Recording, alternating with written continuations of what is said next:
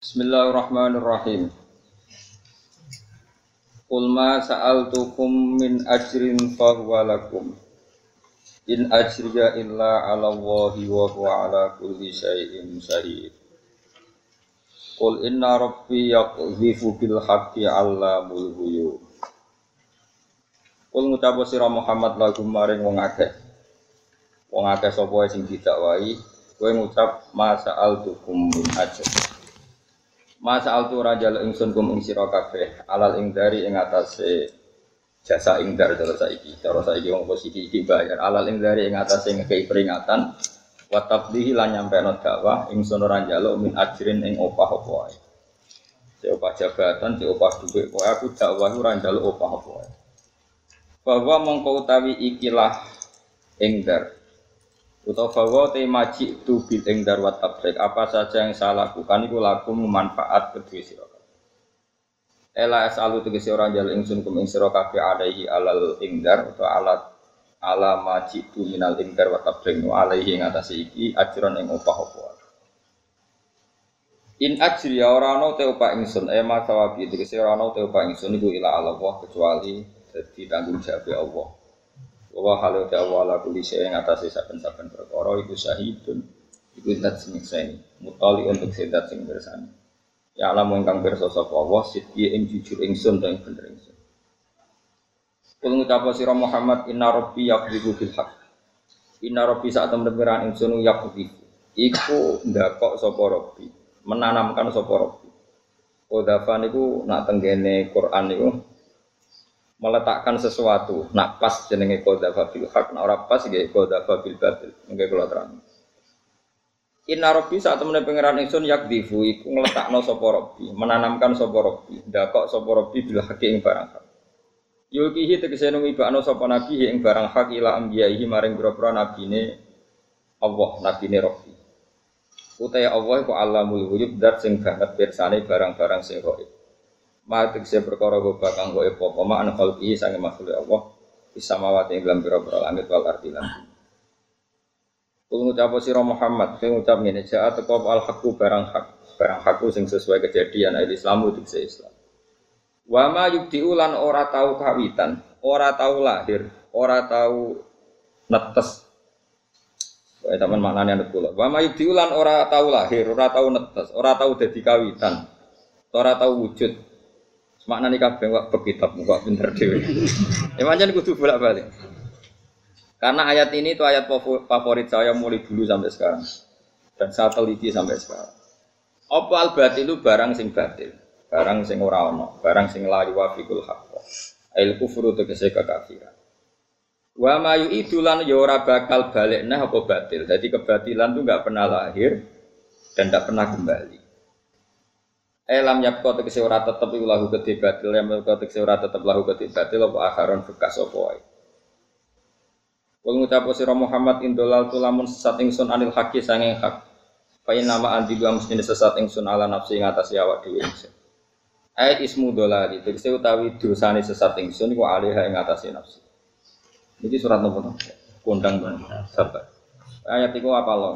Apa lo nggak ketemu malaikat? Oh tak jamin suarga anggar ketemu malaikat ijek apa layat itu suarga oh nak mlebu neraka ya lalar apal tak jamin.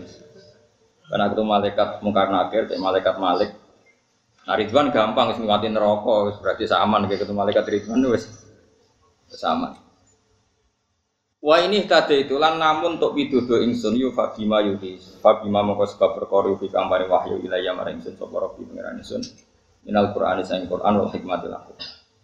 Inna temen wa ta'ala wa sami undat sing midanget. Eh sami ul doa itu dat sing midanget doa. Atau sami undat sing midanget al doa ing doa.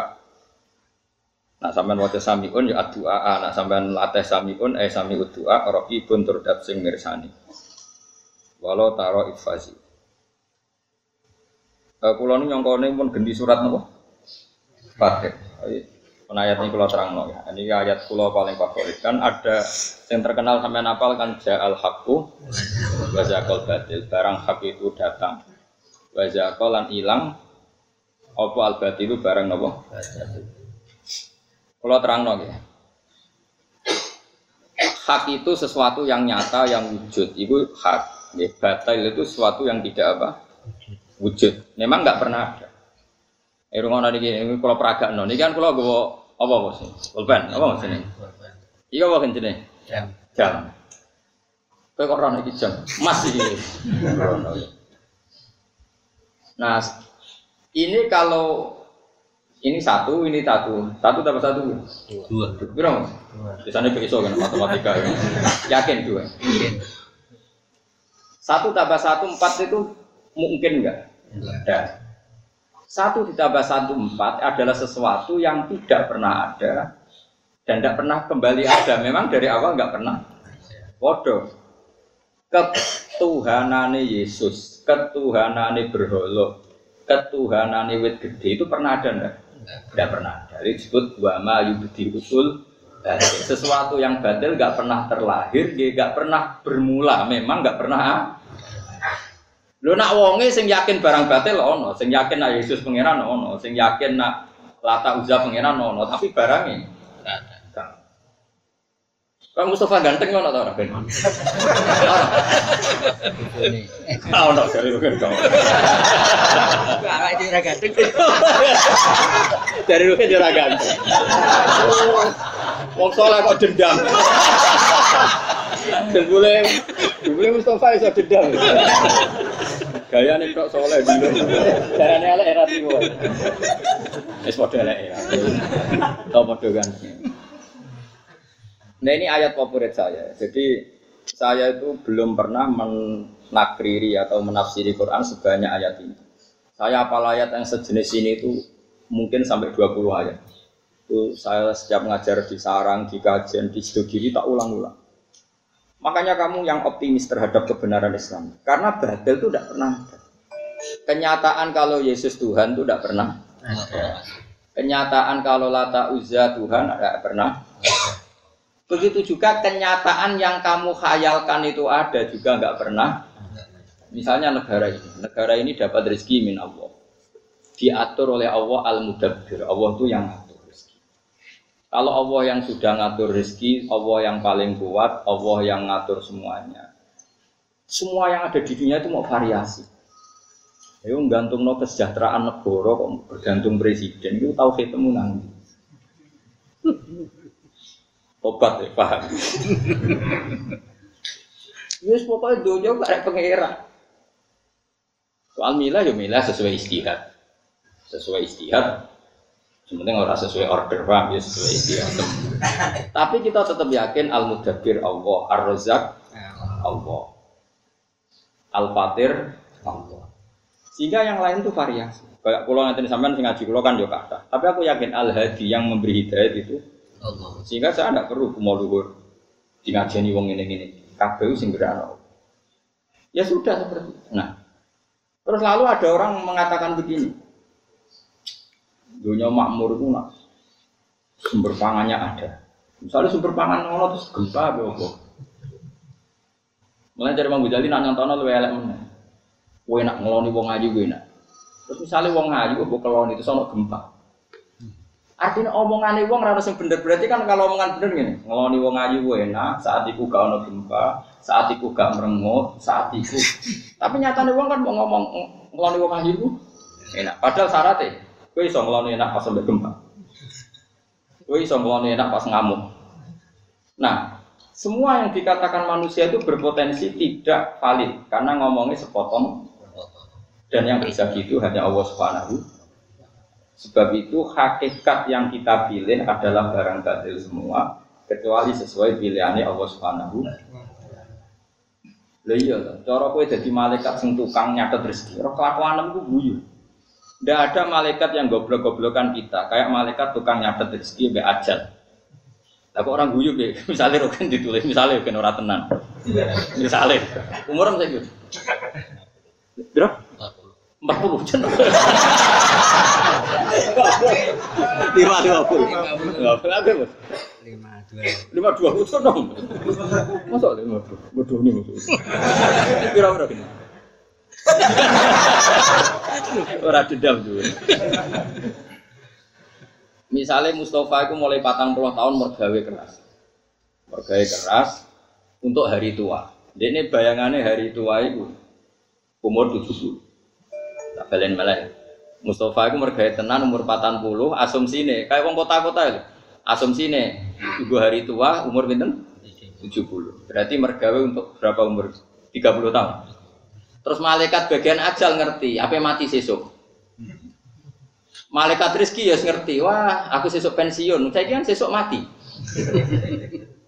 Terus kamu dua niat mergawe untuk masa depan kira-kira diguyub gak? Bocah kok goblok kayak ngono, mati mati. Ya, tar, kira-kira. Cara aku jadi tugas malaikat paling seneng malaikat bagian rezeki, ben iso ngenyek. Betapa bodohnya kita. Betapa Bodohnya. Golek rezeki sing kowe ora bakal nganti hari tua. Utawa ngene. Wah, anakku tak warisi akeh ben makmur.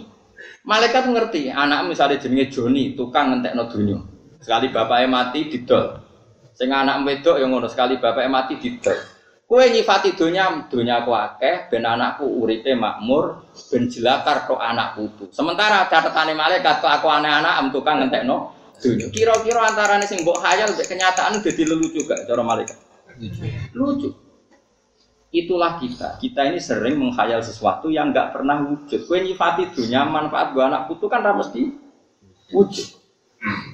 Dan di sini kebodohan-kebodohan kita. Mulane Allah nyifati manusia wa kana al insanu zaluman jahula. Wis akeh dolime, akeh goblok. Zaluman ora dolim biasa banget dolime, jahulan banget. Karena tadi kita sering berkhayal sesuatu yang nggak pernah nyata. Mulane nak kue diangen-angen niku sifatnya angen-angen sing diridani Allah. Misale bayangno kenapa kok ngumpul donya? Eh ngumpul rahmate pangeran. Muni ngono. Jadi pangeran yo kena kena dinya. Kenapa mus ngumpul rahmate pangeran? Nah, kenapa ngayal kok tinggi-tinggi? Ngayal rahmate pangeran. Iku insyaallah pangeran maklumi. Mergo tapi ada yang muni untuk hari tua dari malaikat. Mesti tak kowe ana Nah, kita itu sering begitu. Padahal barang batil itu nggak pernah datang. Artinya kue nganti tua itu nggak pernah. Tapi kue ngayal tua.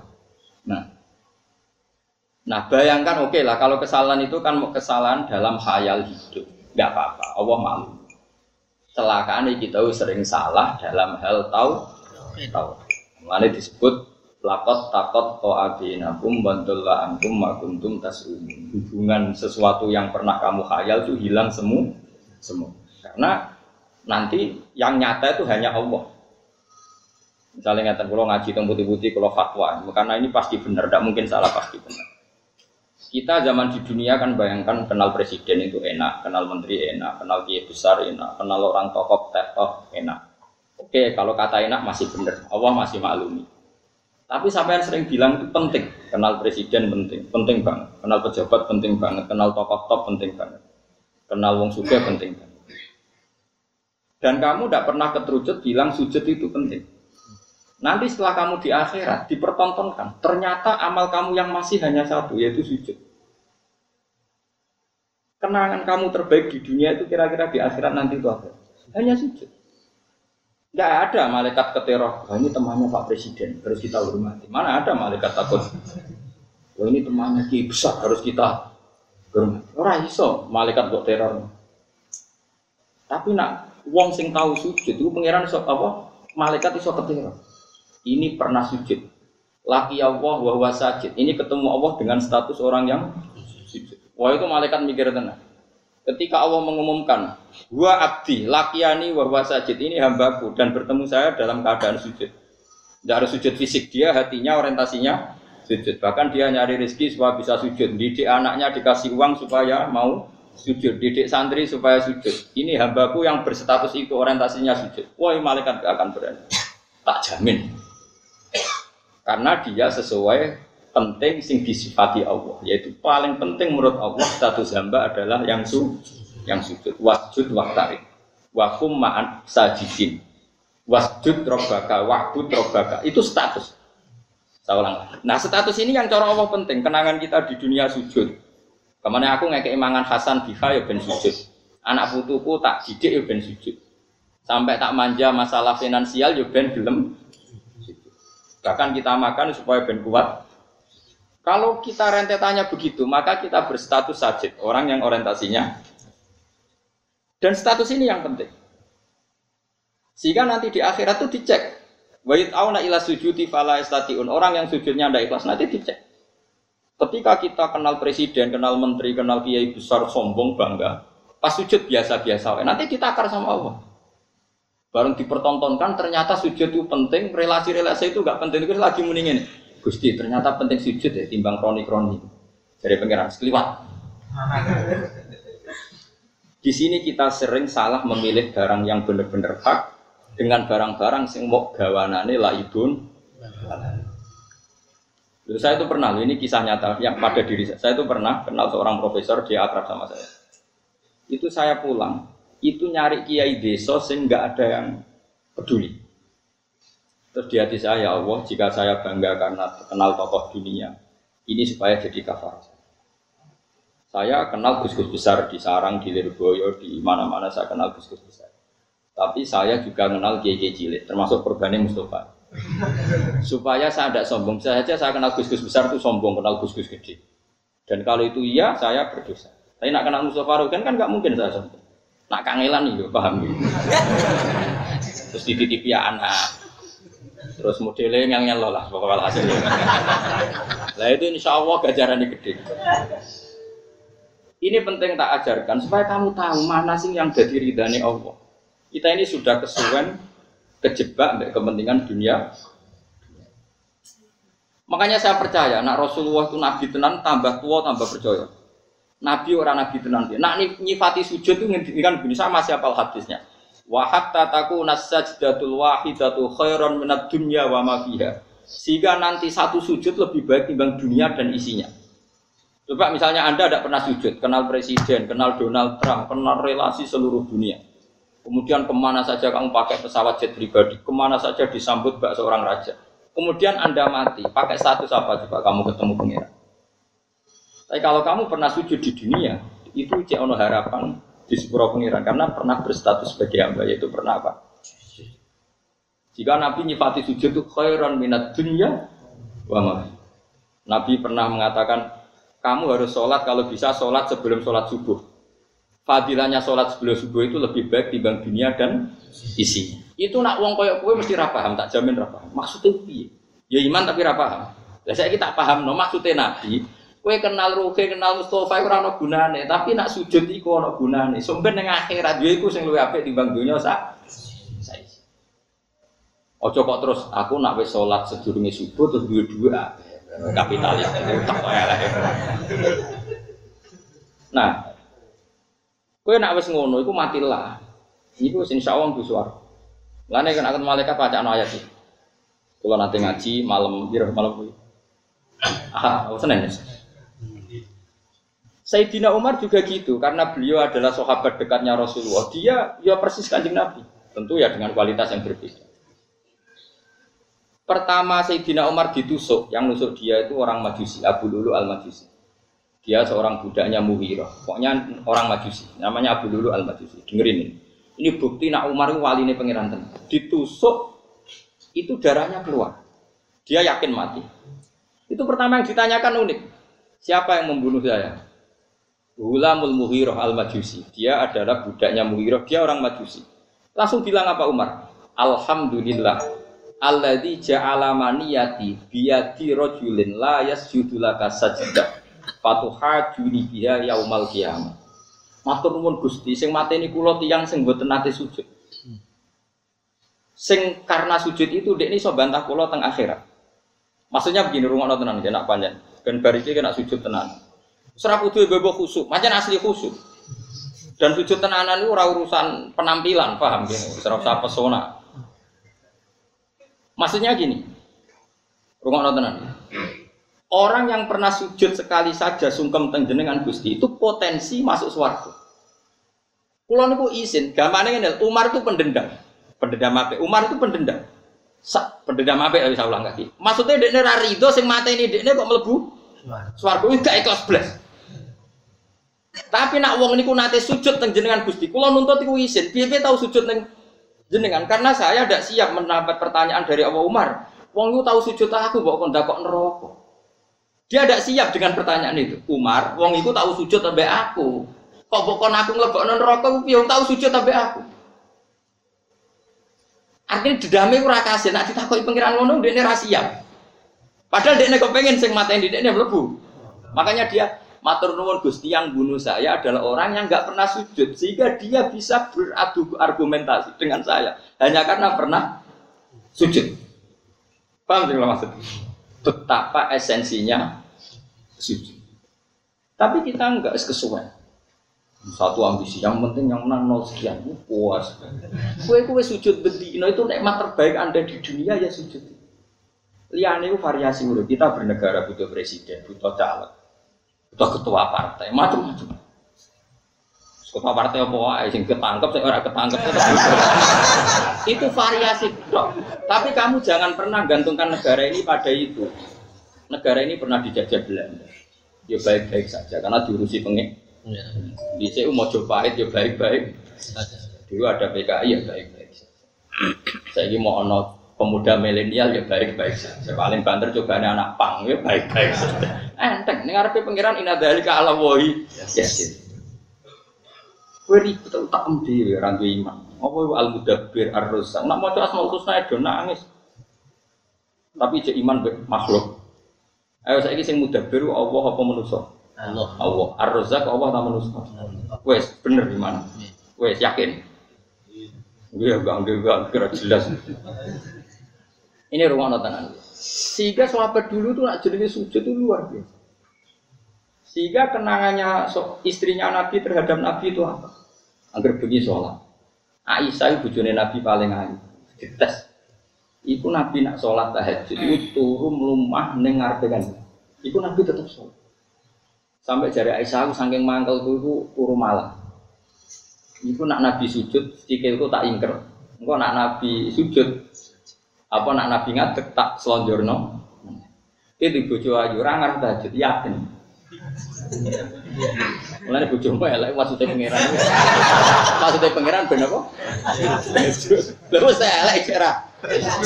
Anu was, anu.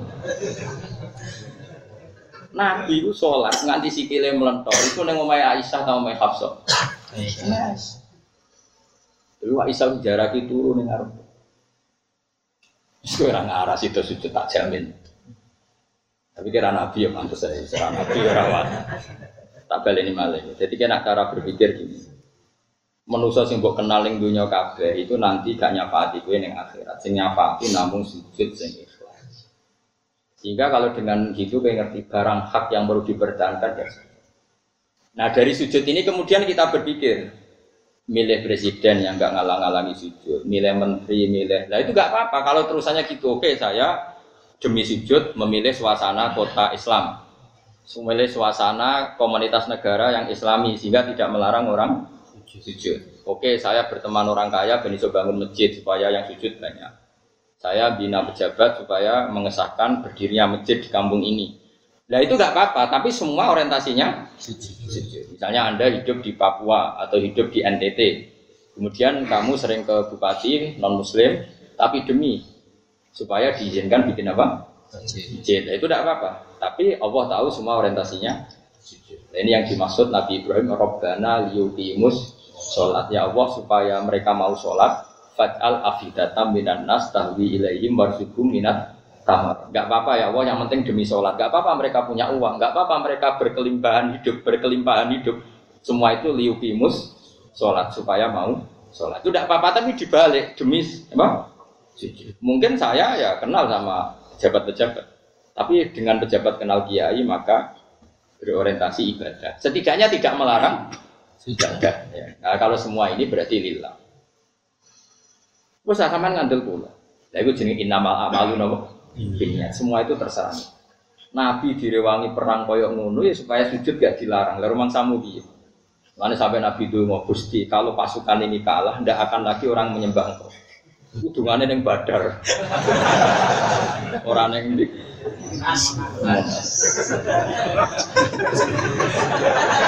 repot. Sampai orang kayak sepuluh masa saya kafir kures. nah ini saya cerita saja. Lho kula tenan, kula nu- kula nu sering diamuk bojo kula. Nganti sakniki. Gara-gara saya itu terlalu hormat sama anak. Anak dimanja, sampean terlalu hormat. Saya bilang gitu.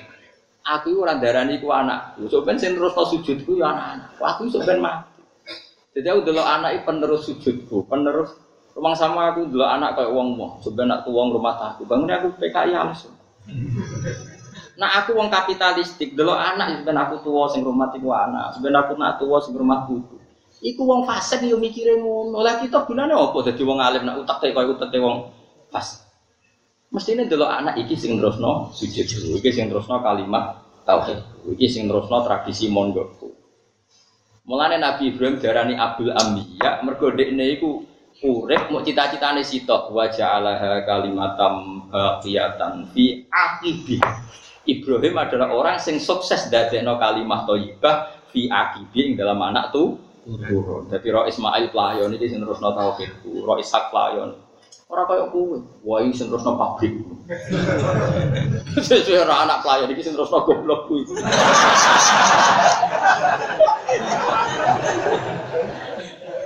Bareng anak goblok tenan pinter dong kok persis.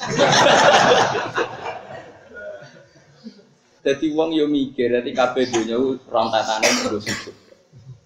Lani ya ya Tuhan nafsul mut aina irji ila rabbiki radiyatan mardiya fadkhuli fi ibadi. Dan ciri utama ubudiyah itu adalah nopo su. Pertama surat Quran turun wasjud.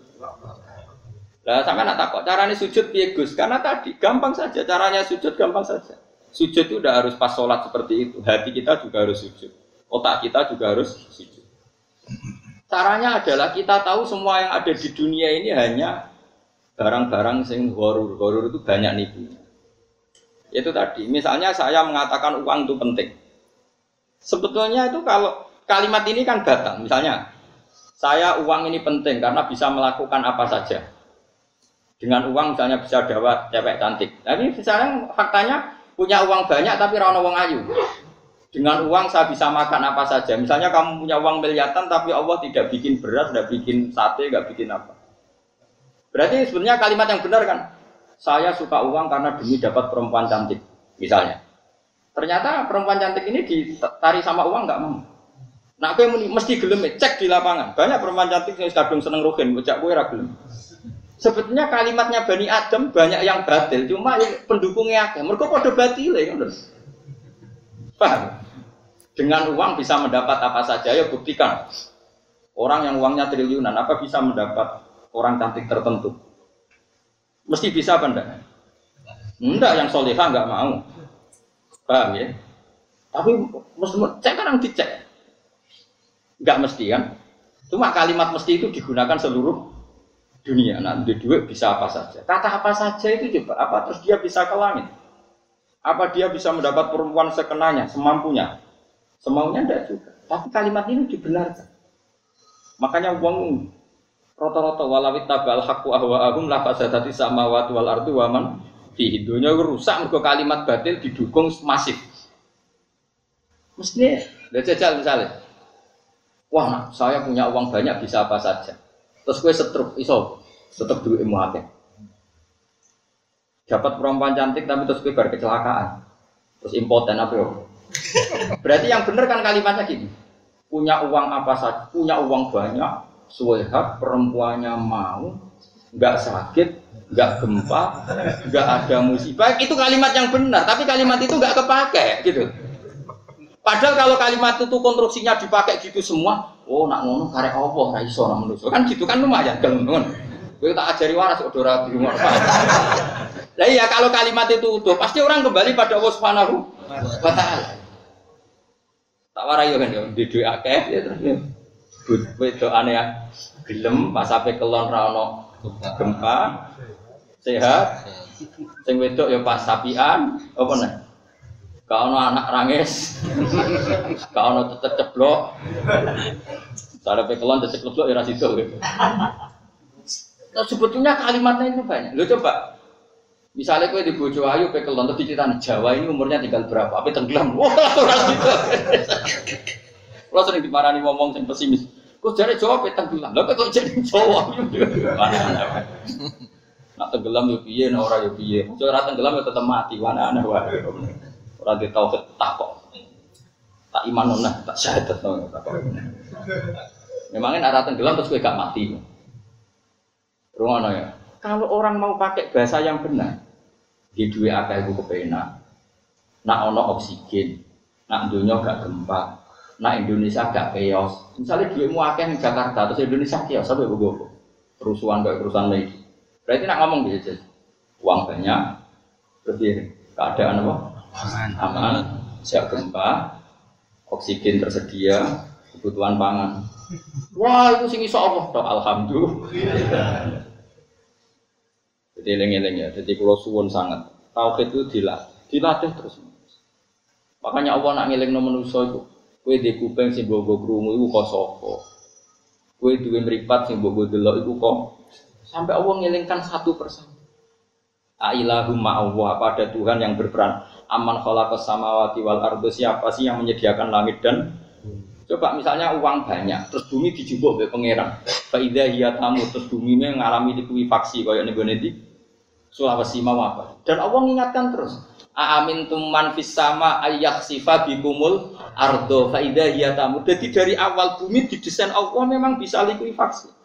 Wong bumi itu seperti Allah wal ardi datis sodok. Bumi itu potensinya memang pecah. Zatun itu sifat pokok. Jadi dalam bahasa Arab, dat itu maknanya sifat pokok wal ardi datis sodek bumi itu sifat dasarnya memang bisa pecah terus Allah ngintikan ayak sifat bikumul ardo faidah ya tamur potensi bumi memang melumet tamur maknanya melumet cuma Allah nyontok piro-piro nih Sulawesi tok contohnya sak Jawa ora tuntas itu pilpres Coba, jadi Allah ingatkan, apa kamu merasa aman saja di bumi ini? Bumi ini potensi tamur loh, dong. Allah ingatkan, ayak sifabikumul ardo fa hiya tamur. Coba kalau orang iman seperti ini itu kan ambek pangeran sungkeman tenan. Ya Allah, matur nuwun cek iso ngaji. Iso tangi, ya matur nuwun cek iso tangi. Iso ibu jo matur nuwun bojo kula roh sasarane. Tak nganti ngamuk tonggo seputih Gusti. Itu kudu syukur. Nak bojomu jaluk duit ke jaluk terus matur nuwun mboten jaluk tonggo. Isine koyo apa nak jaluk? Ngamuk kowe matur nuwun, nak ngamuk tonggo isin koyo apa? Jadi mestinya bojomu ngamuk, pinter terus no. Lho kok iso pinter Mas? Lah iya, ngamuk tepat. Dan omah iki ra duwe dhuwit umur aku ya terus no. Iku bener ngamukmu. Wong di bojo pinter kok ngeluh. Paham, rumah tenang. Jadi datun itu cara bahasa Arab, dati sot ibumi itu potensinya memang Terus tamur, iso melumer. Memang harus didesain gitu. Coba bahwa bumi itu ada magma, ada ini itu. Tapi Allah mengingatkan terus di surat Al-Qur'an, "Amin tuman fis sama ayak sifabikumul ardo faidah ya tamur." Dielengno terus. Bu, air yang tiap hari kita minum, Allah yang ngelengno. Kul aro'aitu min asbaha ma'ukum Gorong famai ya'tikum bima imain Mestinya meskipun sekarang air itu gampang Tapi kata Allah, saya bisa tahu-tahu membuang air itu Terus air itu kemudian hilang, tertelan bumi Faidah apa? Terus fama ya'tikum bima imain Lalu siapa yang bisa mendatangkan air? Jadi dunia yang stabil ini Allah mengingatkan berkali-kali nah, Tapi uang gak gak eling peringatannya Allah akhirnya sih dianggap penting itu pejabat relasi, mitra. Akhirnya Allah ora tau disebut. Ya wis akhirnya sedunia ini ngendikane pangeran, nak aku serah disebut ning bumi, akilukum ila nafsikum. Urusan dunia tak pasrah nopo. Akhirnya wong kangelan, mergo urusan ora diurusi Allah, tapi diurusi diri apa? Sendiri. Akhirnya wong gawe rumus. Pendidikan dia rumus, tiap ganti menteri ganti rumus, presiden dia rumus, ganti presiden yo ganti perlu kartu siji apa itu KTP gue ger. Lah misalnya bener sing kertu telu, sedurunge ana kertu telu ya wong wis mangan. Sing bener kertu siji sedurunge iku wis mangan. Dhisik endi wong makmur mek kertu iku. Jare wong sing wis makmur, kowe orang presiden aku wis sugih. Jare sing melarat. Ya tetep melarat. Akhirnya, oh tetep Allah sing ngatur dunia apa. Tapi tetap aja golput ya, maksud gue. Artinya negara itu urusan kedua. Pertama tauhid benar. Lah anak tauhid wis bener kamu milih sesuai sing diperintahno Allah, ya sesuai nurani masing-masing. Yang penting ora ora sesuai order masing-masing. Ane guyonan Gus Dur paling masyhur, Gus Dur guyon paling masyhur. Dulu lama ulama itu ngendikan al hukmu ya dulu ma illati. Hukum itu berputar sesuai alasan. Sekarang al hukmu ya dulu ma ujrotihi. Hukum itu berputar sesuai upahnya. guyonan paling masyhur yang antar kiai itu al hukmu ya dulu ma illatihi itu yang benar apa? Tapi sekarang al hukmu ya dulu ma ujrotihi. Sekarang opae terus wani. Itu sudah musibah kena soal al hukmu ya dulu ma ujrotihi. Dieling-eling. Jadi kalau kalau tentang putih-putih kampanye, lah tentang la ilaha illallah kayak ngoten. Nek wis mati, iku kanca ya ora ono. Wong tua ya ora ono, anak ya ora ono. Sing ono namung Allah Subhanahu. Sebab itu kita harus ikhlas ngamal krana lil sing andalo kanca kanca ora ono. Anak bojo mlayu kabeh ya mayafirul marhumin akhi wa ummihi wa abi wa sahibatihi wa bani likul limri'im minhum yawma idzin sya'nu. Kita hanya kembali ke lah nak kembali ke Allah kok kowe saiki ngamal demi manusa. Terus manusa itu sapa? Ketika itu tidak siapa? Kalau itu harus dilatih terus sampai anda ikhlas. Dan ada ikhlas itu dilatih sampai tahu ikhlas. Pisang lah tahu ikhlas itu selamat. Dewi lama-lama kue neng dunia sudah tahun kau tahu ikhlas pisang tak us cukup. Tapi yang ngele karuan. Nah, cara ikhlas biar tak warai lali wes ngandel. Lali itu ya lali. Gua ikhlas. Ini masyur, bapak sering cerita. Biyen biyunane mung bapak kula, mbah kula ngene keluarga lah. Mbak Maksum niku abai Bali Maksum Jogja niku santrine kathah. Ketemu kancane. Dia kanca nak utang jangkar, "Sum, gayamu jog santrimu akeh kowe wiridan. Isin to mbek santrimu nak bersalam langsung layu mergo santrimu akeh." Ya pertama izin, suwe-suwe lali. Lah pas lali kok ikhlas. Jadi pertama kan apa ras wiridan kan izin, itu santri akeh langsung Lalu kedua yang mungkin izin. Sesuai kan Lali. lali. Lepas lali itu Ikhlas. ikhlas. Kayak ngaji ini kan pertama ngaji. Sesuai kan lali. Pokoknya anggar waya ngaji juga kitab berangkat. Pertama kan kan. Kamu akan perhitungan. Itu orang ikhlas. Nah ikhlas lali itu Ikhlas. Mau mana paham tambah ikhlas. kan gak dikarep tuh. Jadi utama ikhlas juga duit. Jadi eling-eling ya. Jadi barang batil itu ora tahu wujud. Kayak loro tambah loro limolas itu gak tahu wujud. Yesus pangeran ora tahu wujud. Lah tahu za pangeran ora tahu. Jadi wis dimaksud napa? Kul ja'al haqqu wa ma yubdiul batil wa ma yu'ti. Jadi barang batil ora tahu wujud. Maknane nak sing nganggep wujud akeh tapi hakikate gak tahu, Enggak tahu. gak tahu. Paham ya? Jadi kalau wow, satu tambah satu kok dua belas itu tidak pernah wujud. Lah sing wujud hak namung Allah Subhanahu wa taala. Jadi nyaman. Lah mulane nak ana salah dewe Nabi, umpama aku salah ya salahku dhewe jare kanjeng Nabi.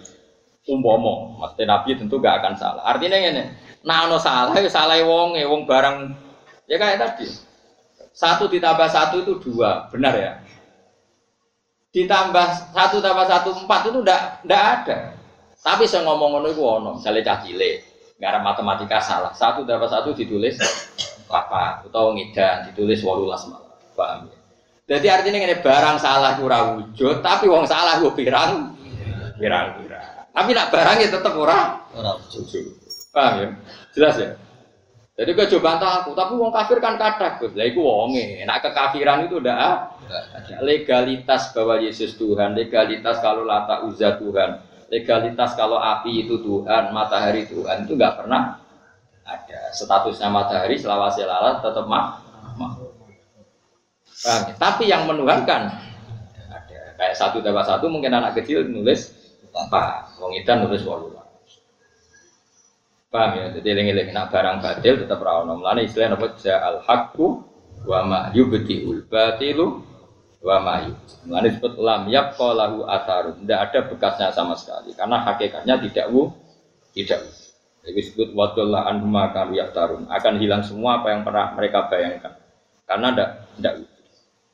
Lalu kalau suwun lah, pokoknya nak sujud itu sing tenanan. Senajan to, nu jarang sholat sunat. Maksudnya tidak tidak sebanyak sampean. Tapi kalau sujud itu tak nikmati tenang, karena itu pasti jadi kenangan terbaik anda hidup di dunia. Kenangan Anda hidup di dunia terbaik adalah kamu pernah apa? Sujud. Itu tak jamin. Gak mungkin kan kenangan terbaik nggak ada BPKB. Sebenarnya itu mlebu kabeh, syutingan itu mlebu kabeh.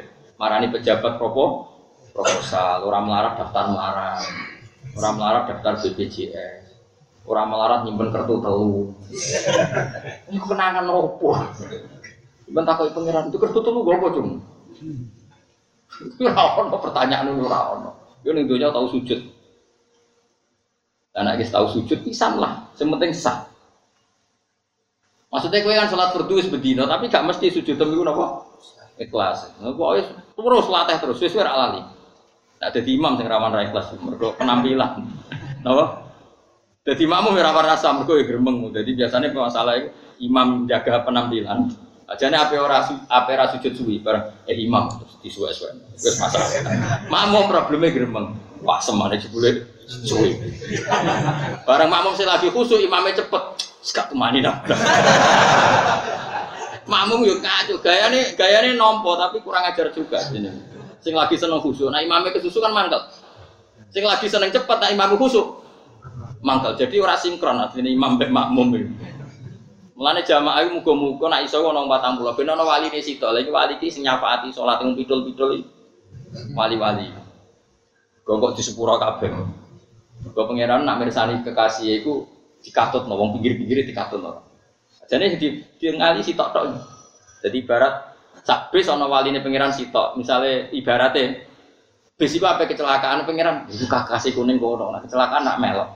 Waduh sholat iki sak musola beduan iki salate ra ketemu tapi ana sitok kekasih pangeran. Saat itu rombongan ya, kira ditompo kah? Sing pidol-pidol malah malah ditompo. Mengenai itu alasan Imam Syafi'i kenapa Jumatan kon wong patang pulau. Jadi kalau sekumpulan orang 40 itu pasti ada walinya satu. Kira usah takut sing ndi sing elek biasanya. Kena mau takut. Ya wali rata-rata ganteng nggak sembrono. Kalau kita takut, mosok tuh syarat wali ganteng parah malah malah darane elek ra trimo, darane ganteng ra trimo. Lah ngono iku ora bakal wali, takukan ngono iku bukti ra wali. Mergo wong brengkel, apa? Eh wali sing piye? Ya biasanya sing elek. Terima, masa wali ya, sing ganteng, masa syaratnya. Mohon dua terus dong, pokoknya kalau suwon sangat, jadi yakinlah bahwa barang satu sing abadi.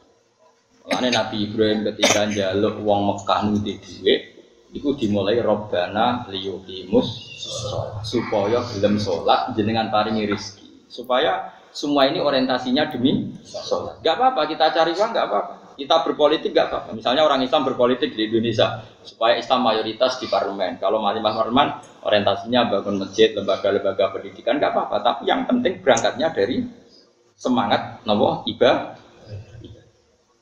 Lalu dimulai robbana liyukimus sholat supaya semua ini demi sholat. Nah setelah demi sholat gak apa-apa faj'al afidata minan nas tahwi ilaihim warzuhum minasa. Mengkeluar terus nanti. Walau tarom pomo ningali sira ya Muhammad wa Muhammad itfazi unalikane padha kaget sapa ngakeh. Indal ba'di nalikane ketangi sangka kubur. Pas iku laro eta tine ningali sira amron ing perkara adiman kang gedhe. Pas bangkit sangka kubur, pasti kamu lihat sesuatu yang dahsyat. Nah, pas iku fala fauta mongko ora ana pot iku maujud lahum kedhi wong akeh minatangi kita. Manane ora pot udah bisa lolos dari cengkraman saya kata Allah. Ela yufawitu nanti kese ora iso lolos sapa nak ing kita. Wa ukhidu lan den tangkep sapa ngake min makanin sing panggonan koridin kang parek ae kubur itu dise sangka kuburan. Pasiku wa qalu lan ngucap sapa ngake amanah iman kita bi lan Muhammad itu Muhammadin awil Quran itu Quran.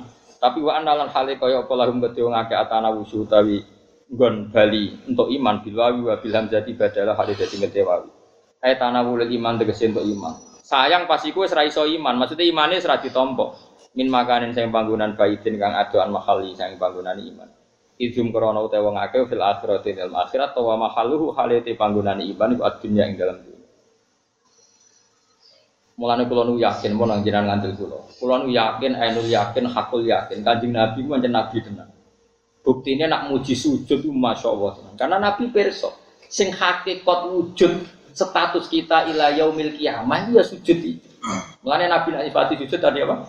Hatta taku nasajdatul wahidatu khairan minat dunya wa ma. Bahkan Nabi nak ngendikan sujud, masya Allah luar biasa. Ono sahabat selawase derek nabi Nabi. Bareng suatu saat Nabi kan wonge apian. Congke jo opah opo ngke derek naku wis suwi. Sahabat itu ya kacau, tapi kacau soleh. Entah sirin, kalau pikir-pikir rian Nabi. Jadi aman kan jawab sani, mulai. Bertolong dino matur, iku kan Nyuwun dadi kancane jenengan suwak. Tapi ya rada kaget nyongkone kan wedhus ta opo nek. As'aluka murafaqataka bil jannah. Saya minta nemani engkau di. Nabi rada takok. Kowe diwarai wong apa karepmu dhewe? Niku kan ya. Kulo mun kulo pikir, dunia niku mesti entek. Kulo misalnya jadi gubernur ke pangkat ya entek. Untuk apa entek? Sing abadi niku ngancani jenengan teng. Apa kata Nabi? Fa'inni ala nafsika bikasrotis sujud. Ya ana aku bantu tuh. Kue dewi kudu hati-hatian sujud. Ku kanjeng Nabi, wong paling disayang pangeran iku nek ana wong njaluk swarga kon bantu sujud. Kowe trimo kiai yo oke. Sembrono. Yo yo yo yo yo mbahmu. Kanjeng Nabi sing kekasih pangeran ana wong njuk mlebu swarga kowe kon fa ini ala nafsika bikasroti sujud. Yo ban, aku bantu tuh. Aku bantu, aku iso nyafati kowe bantu, yaiku kowe kudu dhewe ngekek-ngekekno sujud. Ya kayak kiai takoki ngono mah. Nggih, nggih. Mbah mung dhewe dhewe ora jelas malah ape. Ana ngono wae tak warai. Yes padha do ngekek sujud. Jebule kowe dhewe ora akeh sujude padha dhewe. Wis ora usah jawab. Ngene nek ana takok ngono jawab. Cerita itu ya ana zaman Nabi lah, jawabnya Nabi ngene, iku fair, dadi aja aja jawab langsung ya. Cerita itu ana zaman Jawaban. lah Nabi dijawab ini. Tapi aku nak ngancani kue ora jelas, engko nang kue ning neraka malah ning neraka malah. Jadi Nabi saking senengnya sujud terus meneh ada cerita hadis lagi. Ketika Nabi cerita orang-orang disiksa di neraka, ini hadis sofa. Ketika Nabi, nggak nambut apa no, cerita saya Albani apa belum sempurna, ngenyek uang. Mau sampai tahqiqan wis ora cocok. Lah Imam Tirmidzi wali wali wong saiki mahasiswa mahasiswa saya naik itu. Ada hadis kok soal Albani Imam Tirmidzi aja buta. Ya Allah ya Allah. Imam Tirmidzi ku saleh itu mujtahid. Albani lagi lahir ini. Hadis Tirmidzi butuh legalitas. Allah karim, Allah. Kumpul sepuro pengen. Yo kue kue barang ibu sini. Oh ya. Wah. Imam Tirmidzi yakin, rohnya gak tenang. Era Imam Tirmidzi, Imam Kitab Bukhari kabeh wis diselesaikan ilmu jarhi wa ta'dil. Iku finale ning era Ibnu Hajar Al Asqalani, jenenge kitab Lisanul Mizan. Saiki orang berono hadis ini jadi boleh ini disohkan Albani apa enggak? Albani gue gue ilmu nih udah udah. Ini bodoh wong saiki ini lah. Maksudnya? Gue sing ngene ngene gitu gue. Gue orang saingan gue. Nah, wong ikhlas gak butuh saingan. Jadi kalau boleh baleni malih. Kalau mau menerang nopo masalah nopo sokeh nopo Tirmidzi. Jadi orang orang-orang yang kita ini yang yang kita alami sekarang. Neng hadis sokeh kados Imam Bukhari nyeritakno. Wong mukmin sing mlebu neraka iku kabeh diompo kecuali mau dias sujud. Nabi dawuh walam tak kulinar ataros di semua teks hadis sahih ada redaksi walam tak kulinar ataros sujud dan neraka tidak berani membakar bekas-bekas sujud. Bekas sujud itu raro, malah itu sono baduk dicap ben ono bekas sujud itu raro. Pokoknya teke hadis ngono kira usah sensitif. Berarti butuh bekas. Nah ngono tak bikin bekas. Cangkemmu ya ngono. Senengane kok takok sing ora ora senengane ngajak tukaran. Mesti ngajak tukaran senengane ono sing tersangka, ono sing enggak tersangka. Ora usah ngono iku jenenge ra ikhlas ngaji ini ora ikhlas. Sing tersinggung ya padha ra ikhlas diulang kok malah tersinggung. Allah piyambak sing pirsa pokoke Allah dawuh si mahum fi wujuhim min asari sujud. Sampeyan malaikat tuh niteni wong apik ora iku didelok. Ana asari sujud ta ora. Lah terus asar sujud ana sing maknani baduke ireng misalnya. Ana sing maknani asar sujud ora ngono iku. Sampeyan ning akhirat ku ana nur sing dadi ekspresi tahu sujud teng padha ra roe. Terus ana sing Asari sujud itu maknanya nak bar sujud terbukti orang maksiat itu berarti sujud itu mau nak bar itu tetap korupsi tetap maksiat berarti sujud itu rano gunane. Mergo sujud itu tanda adil fasai Iku ya ana ulama sing muni ngono. Padha ora kok debat. Tak waraine sitok-sitok. Ayo, pokoknya pangeran dawo sebenarnya sing ra kena siksa iku bekase. Ayo, saiki. Misalnya ada orang tak bilangin, rungokno ya tak warai carane ilmu lughat. Dia sekarang sudah tidak minta-minta lagi. Akibat punya kartu tiga. Terus sing kita muni kartu apa? OCO apa? Apa? Apa? Apa? Ini balane itu. Apa? Iki. Apa? Oke, oke, iso. Wes tak warai, wes lah ibu kowe tenanan dol dol. Ndak kan kalimatnya tak warai ilmu lughat. Asari sujud, bekas-bekas sujud atau efek sujud, akibat Sujud. tentu sujud ini di sholat ya. Hmm. Ya sujud itu maknanya Sholat. sholat ojo kok terus kowe sujud tok ora usah sholat cangkem. Mergo sholat itu wis bahasa resmine jen Sujud. ngono takono. Ngaji jalalan ngalor ngidul ngono kok terang. Rumakno ya. Fauzi sekarang tidak minta-minta orang karena sudah dijamin oleh Kertowo nih. Apa? Oke? Oke, oke. Oke, oke. Terus tak contoh itu mesti terjadi sih. Contoh sing gampang. Fauzi sekarang nggak minta-minta uang karena sudah dikasih bapaknya uang satu miliar. Itu maknanya asar itu apa? Akibat apa bentuk fisik? Akibat. Sama sekarang, Zaid saiki seorang maksiat, mergo akibat sholatnya keduk, akibat sholatnya ditompo. Mesti akibat sholat ditompo itu tanda adil fasai.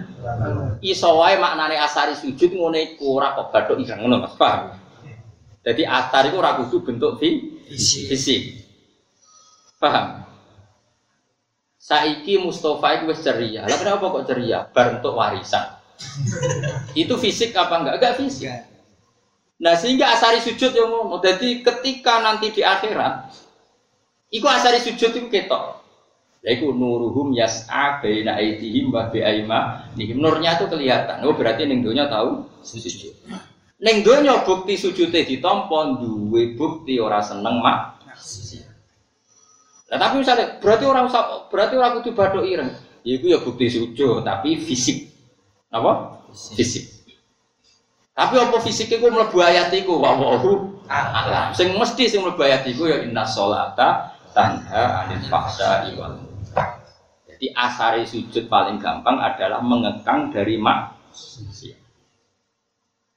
Ya, Maksiat kelas-kelasan mus, misalnya biasa zina ora zina, biasa biasa zina kok terus mau delok ning perapatan ya bagus. Perkembangannya luar Biasa. biasa. Biasa ngegeng ning perapatan kok ndeloke mau pendak tepaan meskipun nek mati ya lumayan luar biasa. Iku bahasa Arabe ya asar. Nggih bahasa Arabe ngono iku nggih jenenge. Lah terus wong-wong maknane asar iku bekas fisik. Ya ora mungkin agama kok mau kaitane mbek napa? Fisik. Fisik. Agama iku kaitane adalah perilaku nyata. Perilaku nyata. Mulane masyhur ana wong biasa maling ketika tobat ning arepe kanjeng Nabi, Nabi mengutus Ya cung kowe sing ngekeh-ngekehno salat. Terus sahabat ana sing protes, "Ya Rasulullah, kenapa engkau tidak melarang dia supaya tidak nyopet lagi, tidak maling lagi?" Padahal dosanya dia sering nyopet, sering maling. Jawabnya Nabi unik. Sayan haruma ya. Engkau anggar sering sholat tak mari-mari. Maksudnya sholat sing bener-bener sholat sing tidak jungkir balik tok. Paham? Ini penting saya utarakan. Lah ngono iku jenenge apa? Bahasa Arab. Itu disebut wanak kudu jamu wa asaro. Manusia yang ditulis itu bukan amalnya saja, tapi efek dari amal itu. Jadi misalnya kalau pulau seneng ibadah, terus Hasan anak pulau seneng ibadah, Tasbihah seneng ibadah. Itu efek dari bapak soleh anaknya soleh, bapak mondok anaknya mondok, bapak ngaji jalalen anaknya ngaji. Itu juga ikut disebut apa? Orang kok asar iku bapak baduk ireng terus anaknya direng. Iku orang ngono iku asar iku. Iku fisik. Jadi jenenge asar tenan nopo? Perilaku. Perilaku sing ditiru dari leluhurnya dan kemudian nitis ning anak putu iku jenenge nopo? Asar. Jadi asar itu maknanya apa? Syukur-syukur misalnya yo bathuke ngecap yo ora tau maksiat, sikile ngapal apa nah sing kira-kira ngecap yo bathuk apa meneh. Tak. Dengkul ya. Padha apal. Terus apa meneh? Kemiri. Wis ngecap ya. Nak dari kancaku kurang ajar. Oh, iku sing ngecap saja saya murah iku. Nah. Cangkemmu. Nah saja larang angel ngecap. Perkara pun malah sembrono meneh. Tapi apa pun itu sekian makna itu mungkin. Ngecap fisik ya mungkin. Cara kula lah ya tetep bangga. Ana wong ngecap baduke dengkule bangga. Paling enggak kena gue titeni iki sering jadi Bapak Mustafa ini jelas. Iki sering ngopo. Kan jelas. Ini dia kan lumayan, maksudnya di status. Bukan ra jelas, tapi lemu. Berarti gampang syukur. Masih banyak lah kita kalau masuk. Oh, nak orang mukmin lemu anggap aja gampang syukur. Nak guru anggap aja wiki atau ke barang haram. Semua itu. Jadi udah bisa kusnuta. Paham ya? Nak nong turu turu berarti setawa kali dhuwur. Ngerti nak dunia sudah terpengiran jadi ramelok ngatur. Wis ngono ae, pokoke mukmin kabeh berarti husnudzon, napa? Keliru ora Allah husnudzon. Sementara kusnudon, kusnudon itu ibadah, no? Dieling-eling ya, pokoknya kalau suwon, kenangan kalau sementing sampai nurut itu tahu sujud sing tenanan. Empon, pisan lah, maksudnya pisan lah di semua sholat kita mungkin kita tidak pernah tenanan, tapi pernah sekali saja. Sampai orang ulama itu takut pangeran, Gusti apa di surga itu nanti saya boleh sholat. Kenapa tanya demikian? Saya bayangkan itu suatu orang non nikmati, nak oleh sholat. Berkode ini misalnya sering jimak bujuni, sering mangane, tapi tidak pernah punya kenikmatan senikmat sholat, senikmat sujud.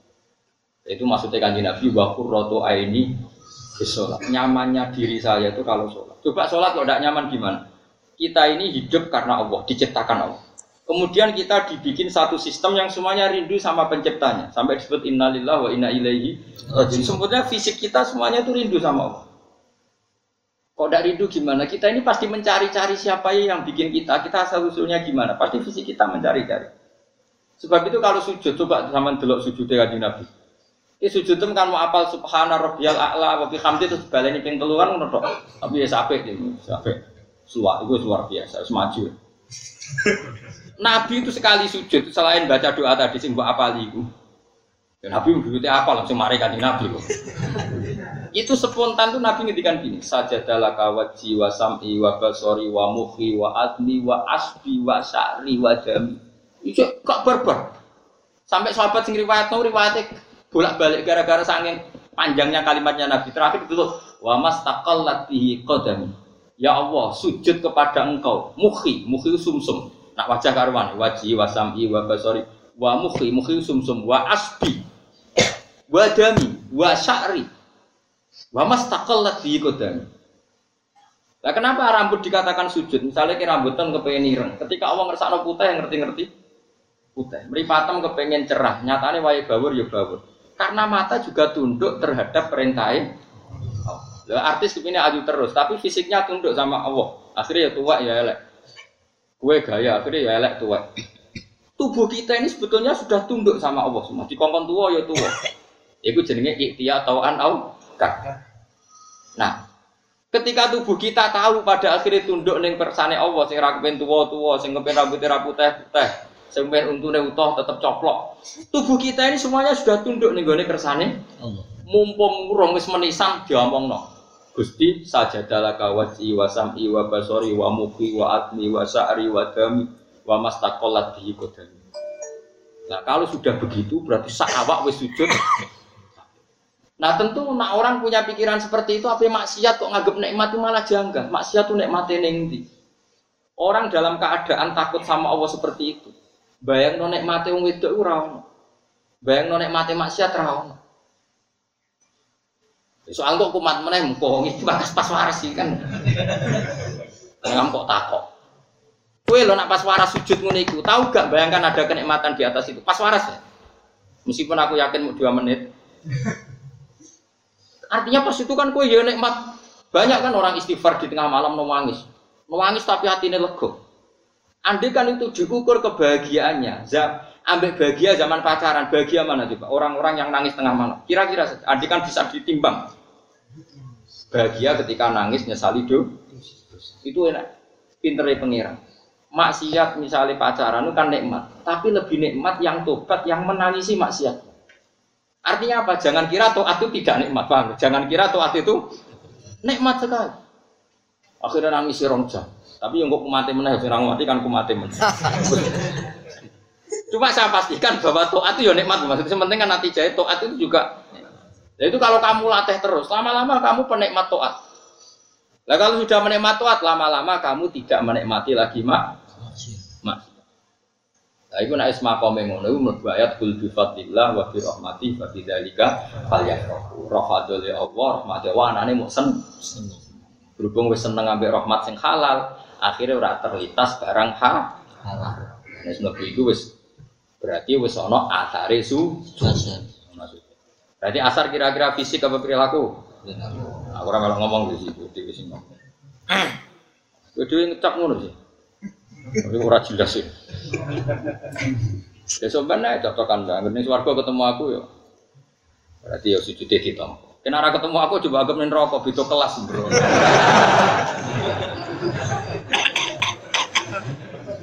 Nah aku sebalik pangeran ora ketemu mergo wis bosen ning dunya ketemu. Nah dari kancaku lebih kurang ajar. Gus nak taat kudu tenang. Kenapa? Engko mari swargane ora kanjeng Nabi. Lah? Sungkan Gus kaya. Kowe ngopi sungkan apa ngeloni bojo sungkan. Sing biasa wae. Kok ning swarga ora aku dadi gak sungkan. Kurang ajar. Yo ojo ojo sak ngisore Nabi pas kok jawur Mbah mun sungkan. Gus. Jadi aku di konco aku digerakan toat biasa-biasa. Jadi ana iku ben swargane yo Biasa. Biasa. Jadi misalnya Rofi nih benar Mustafa itu, lu suka nggak orang? Enggak nak sowan Nabi ya sowannya kadang-kadang, tapi kok awor. Mereka nak awor apa? Suka nak musuh awor. Mustafa lu kan agak nggak ada kok. Ini nopo pingin aku katuan seprapat, pikir kita dari wayu-wayu, ngeren ya. Kok mikir sawangane kok toate susuk. Nah, mungkin. Lah nek misale toat tempas, jebule kurangan rokok. Sono ana. Ya wae eling-eling ya inna sholata tanha Anil fahsai wal munkar. Maksudnya ngoten, kula nate maca kitab karanganipun Izzuddin bin Abdus Salam. Carane ngoten, kenapa sholat itu bisa mencegah dari mungkar? Piye-piye wong nglakoni barang mungkar tuh karena cari Kenikmatan. Ya, wong nganti dugem mak nyari. Kenikmatan. Sementara wong soleh-soleh wis menikmati ketoa, latih terus sampai toat menjadi kenikmatan. Kalau toat sudah jadi kenikmatan berarti kamu tidak butuh nikmat sing liwat jalur mak. Iya, itu sing dimaksud Nabi wa qurratu aini bisa. Uripku ayemu nak wis ini ku carane ngoten. Soal kita pernah maksiat yo kudune pernah wae, itu kebutuhan. Maksiat yo mau pernah gue syarat dadi menungso, kok dadi apa? Kebutuhan setan amon. Paling gak yo kancane pleke. Dilatih mau nang gampang, mau latih terus. Nyatane sampean yo zaman akhir cek ngaji gak kondang tuh. Zaman gini wong lagi do dugem nggo jalalan ngalor. Jos tenan apa? Bariku dimutolaah gak paham ditutup gak. Gak masalah to. Terus ditakok kancane. Iki mau mana nih piye dari Gus Babu? Babu ya lali wis gak masalah. Dan pangeran wis seneng wis. Pira-pira diskusine tentang jalan. Dibang daftar warung kopi sing ayunti kan ya apik iku. Lumayan di zaman akhir no. Akhir. Cara ini kalau mengenang tenan Dawi Izzuddin Abdus Salam ya.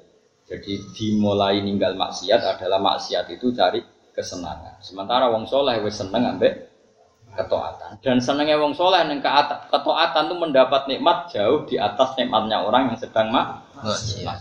Itu kalau dilatih terus, insya Allah kamu sudah sangat cukup dengan kenikmatan dalam melakukan keta. Disebut apa? Wakur rotu ini biswa.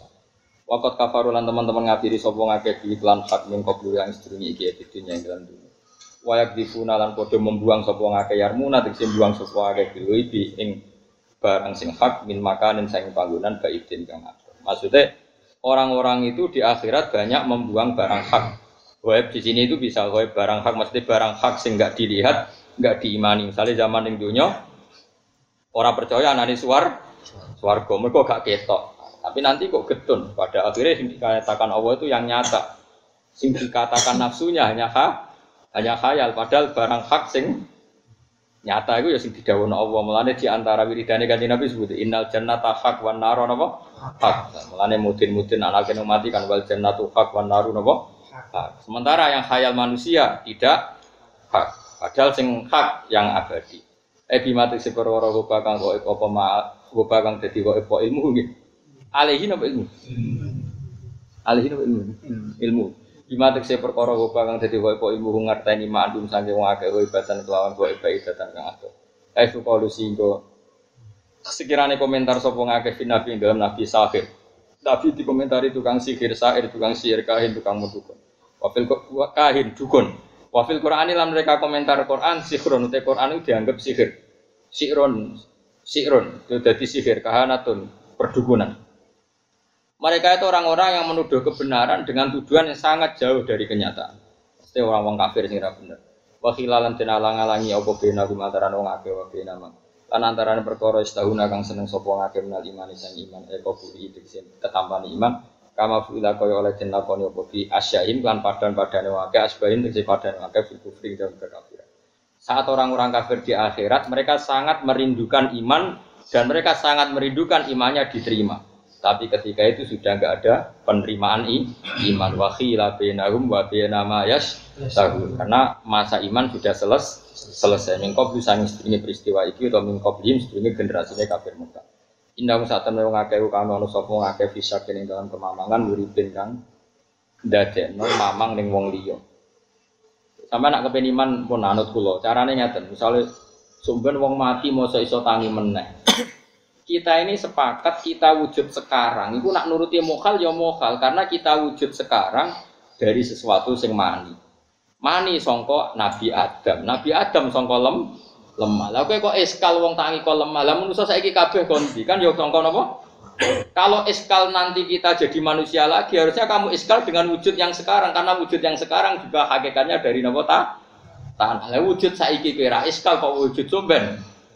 Eskal. Mau alasannya wujud saiki nyata, wujud somben enggak mesti Lu sing nentukan nyata ndak nyata itu ndak kamu, kamu itu tidak penentu dunia. Kok melok cangkeman ora melok gawe kok melok nentok Kowe muni nyata, nak Allah menyatakan mau apa? Kan tetap menjadi nyata. Paham ya? Ya mau jogeman. Mulane iman itu harus dengan ilmu. Ane kula imane wong alim mesti iman sing ainul yakin hakul yakin karena tadi wujud yang sekarang itu kalau kamu percayain kudune wujud sing gak nyata. Wong kita songko Adam, Adam itu Nyatane iso wujud wae. Ana sing diutang BPKB, ana sing mlebu OTT macam-macam. Ana sing geger, ana sing ngayal tok. Saurip-uripe ngayal tok. Ana sing macam Wujud yang sekarang itu tidak kalah mengiskalkannya ketimbang wujud nanti. Wujud yang sekarang miliatan orang itu dari maninya satu orang, yaitu sinten Nabi dan Adam diciptakan dari tanah. Tapi bareng kita dikandani sumber wong mati tangi meneh iskal. Bagaimana mungkin tanah jadi manusia? Dari masa wujud sing saiki? Kan ya dari itu caranya iman dilatih terus dengan ilmu sampai family. Iya. Nah, familia berarti mukmin sejati. Harus dilatih bil ilmi. Mulanya iman itu ketika Allah fa'lam annahu la ilaha. Jadi kata fa'lam iman itu dengan l l. Ora kok jumlah la ilaha dilafatkan berapa kali. Urusannya wong toreko paham nggih. Nah urusannya ulama itu pokoknya la ilaha itu fa'lam dengan l. Itu tadi diutak-utak nganti bener-bener jadi apa? Ilmu. Innahum sa'tan mengake kanon sapa ngake fisakin dalam kemamangan muridin kang mamang no. Mugi entek senumi ba no firo ibadi ing dalam kemamangan kudu ngake sima ing dalam perkara aman ing man sapa ngake bi iklan mak lana ing dalam saiki. Tapi walam ya takidu nih. Lam ya tadu. Lan ora padha biasakno sapa. Ini jerat di bidala ilihi maksudnya ini kalau iktad ya tad napa peduli walam ya tad lan ora peduli sapa ngakeh ya tad lan ora peduli sapa ngakeh bidala ilihi lan pira-pira dalile iman walam ya tad lan ora peduli sapa ngakeh bidala ilihi lan pira-pira dalile iman fitunya enggak maksudnya saiki ning akhirat do getun kepen iman tapi zaman yang dunia ora peduli dengan dalil-dalilnya napa iman. Akhirnya mati dalam keadaan tidak napa tidak iman. Tidak iman. Alhamdulillah, min